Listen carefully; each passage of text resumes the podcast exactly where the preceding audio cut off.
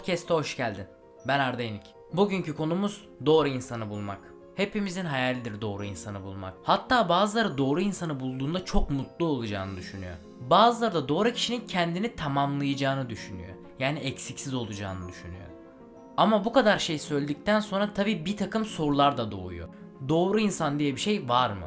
Doğru insanı bulmak gerçekten önemli mi? Bu kaderin ya da evrenin işi mi?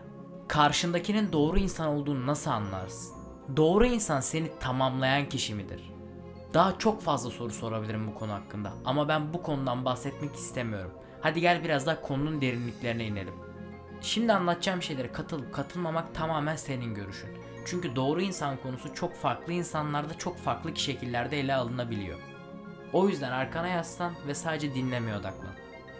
Konu doğru insanı bulup bulmadığın ya da karşındakinin doğru insan olup olmadığını anlamak değil.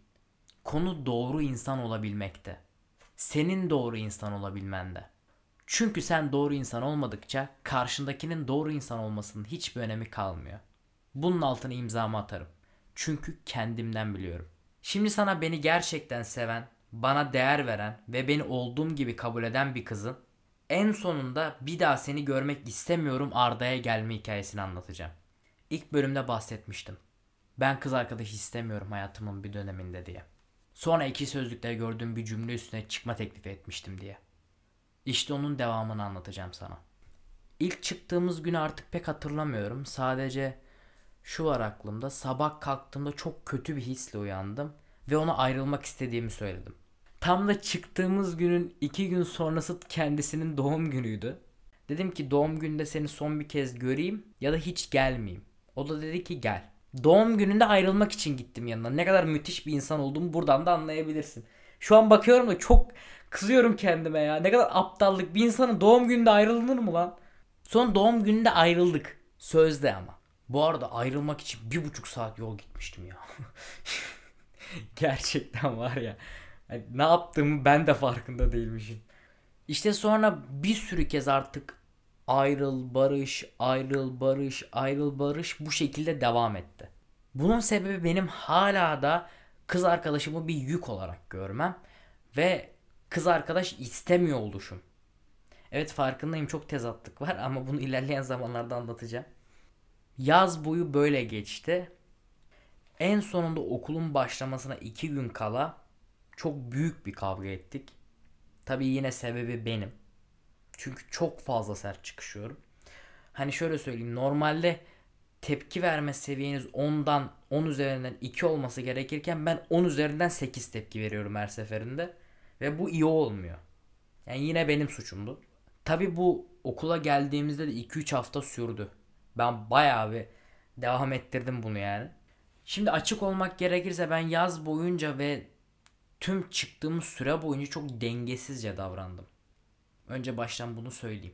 Şöyle söyleyeyim bir gün göklere çıkarılıyorsunuz.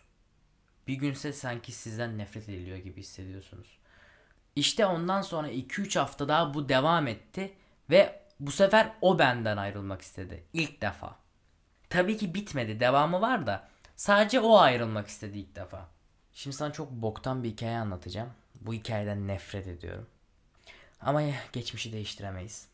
Evet belki tekrar barışıp devam edebilirdik ama ki ettik de zaten. Ama ben araya çok yanlış bir mesele soktum. Şöyle oldu. Onunla konuştuğum zamanlarda sürekli kavga ediyorduk ve ben artık dayanamıyordum. Sonra dedim ki kendime başka bir arkadaş edineyim. Sınıfta bir kız vardı. Onunla yakın arkadaş olabileceğimizi düşündüm. Ama kız bu arada gerçekten güzel lanet olsun ya. Her neyse onunla konuştuk ve bir anda çok hızlı bir derecede yakınlaşmaya başladık. Ondan hoşlanmam gibi bir durum söz konusu değildi ama konuşmaya devam ediyordum işte. Ondan sonra bunu devam ettirdim. Yaklaşık bir, bir buçuk ay kadar mı? Belki daha kısa belki daha uzun tam o süresini hatırlamıyorum şu an. Ama en sonunda konu nereye geldi biliyor musun? Kız arkadaşımın önünde o kızla flört ediyordum. Ve ben hala da kız arkadaşımla konuşmaya devam ediyordum.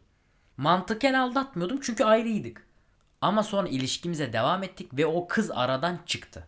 Hikayenin ilk kopmaya başladığı zamanlarda burası geliyor zaten. Bu muhabbet sonrasında bana şöyle bir cümle kullanmıştı. Hala daha da içime oturur bu cümle. Sen beni değil sevgimizi aldattın demişti. Sonra devam ettik hayatımıza 4-5 ay bu şekilde daha. Ama o kızın bana nasıl katlandığı hakkında hiçbir fikrim yok. Bak gerçekten söylüyorum. Ben olsam bana katlanmam. Çünkü dediğim gibi çok dengesizce davranıyordum. Hem de çok fazla. Bir gün sevgiye boğarken bir gün onunla tek kelime konuşmaz hatta merak etmezdim. Bir gün her şey olmak isterken bazı günler hiçbir şey olmak istemiyordum. Ve işin kötüsü ne biliyor musun? Ben bunları düşünerek değil gerçekten hissettiğim şekillerde yapıyordum. Hani onunla olmak istediğim zaman tam olarak onunla olmak istiyordum. Onunla olmak istemediğim zaman onun suratını bile görmek istemiyordum. Yani nasıl hissediyorsam öyle davranıyordum kısaca. Oysa o beni her halimle seviyordu. Nasıl katlanıyorsun bilmiyorum diye sorulduğunda da insan sevmediğine katlanır, sevdiğim kişi için böyle demem derdi. Bir şey olduğunda hep yanımda olmak isterdi. Ve hep Arda derdi. Arda derdi derken şunu da kastediyorum. Her zaman ne olursa olsun işin ucunda Arda önemli.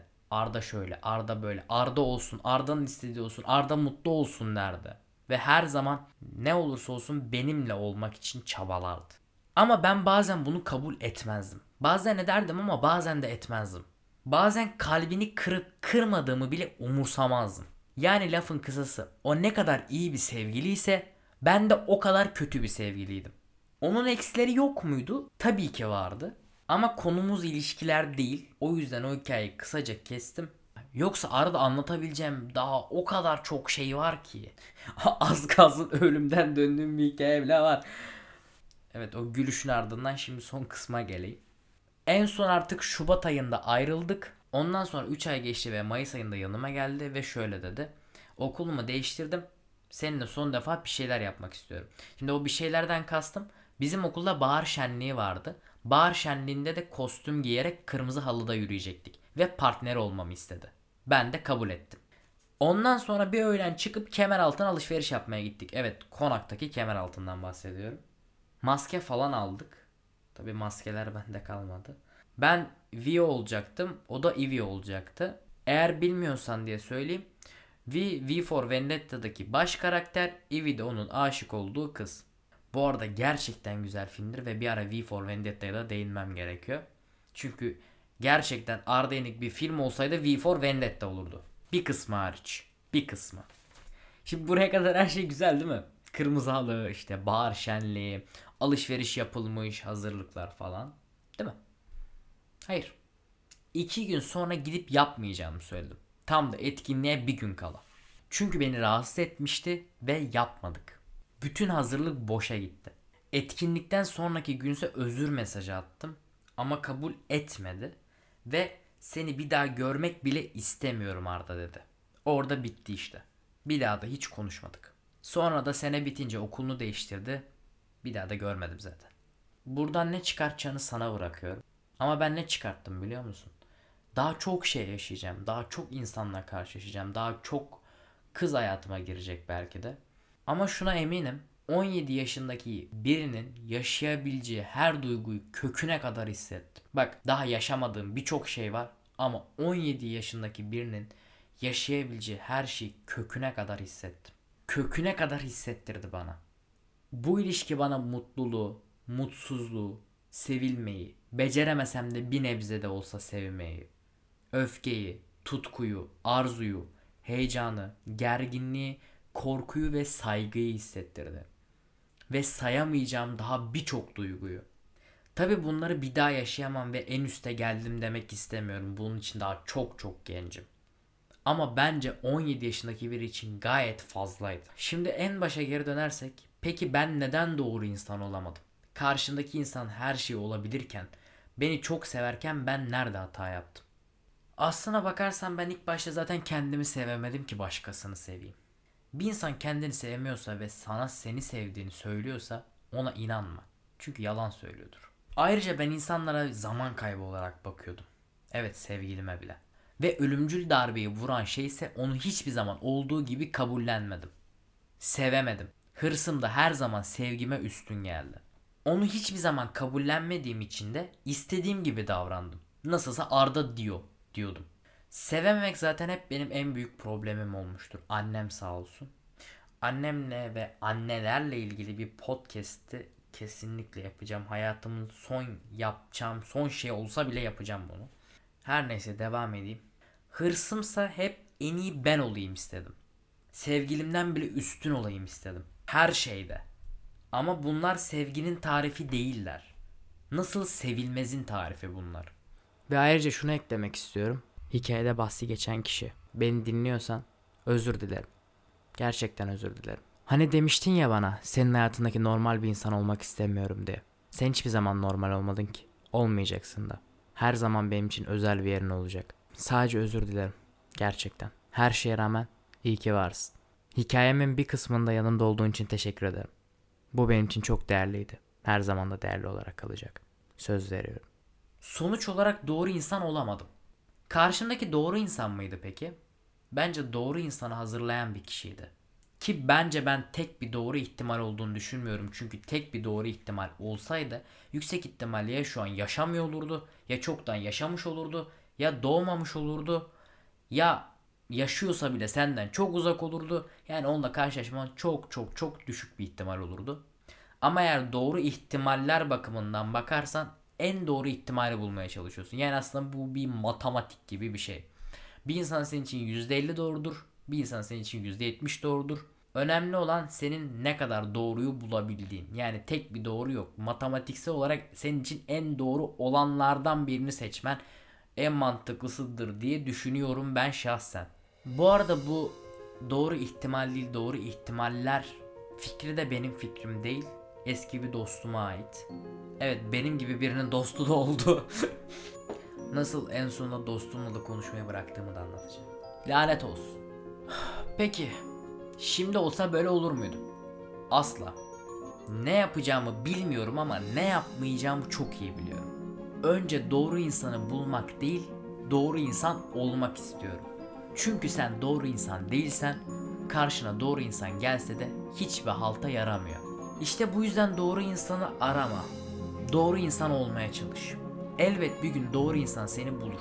Evet doğru insanı bulana kadar belki acı çekeceksin. Seni sevmeyecek. Belki hatırlanmayacaksın bile ama şunu unutma.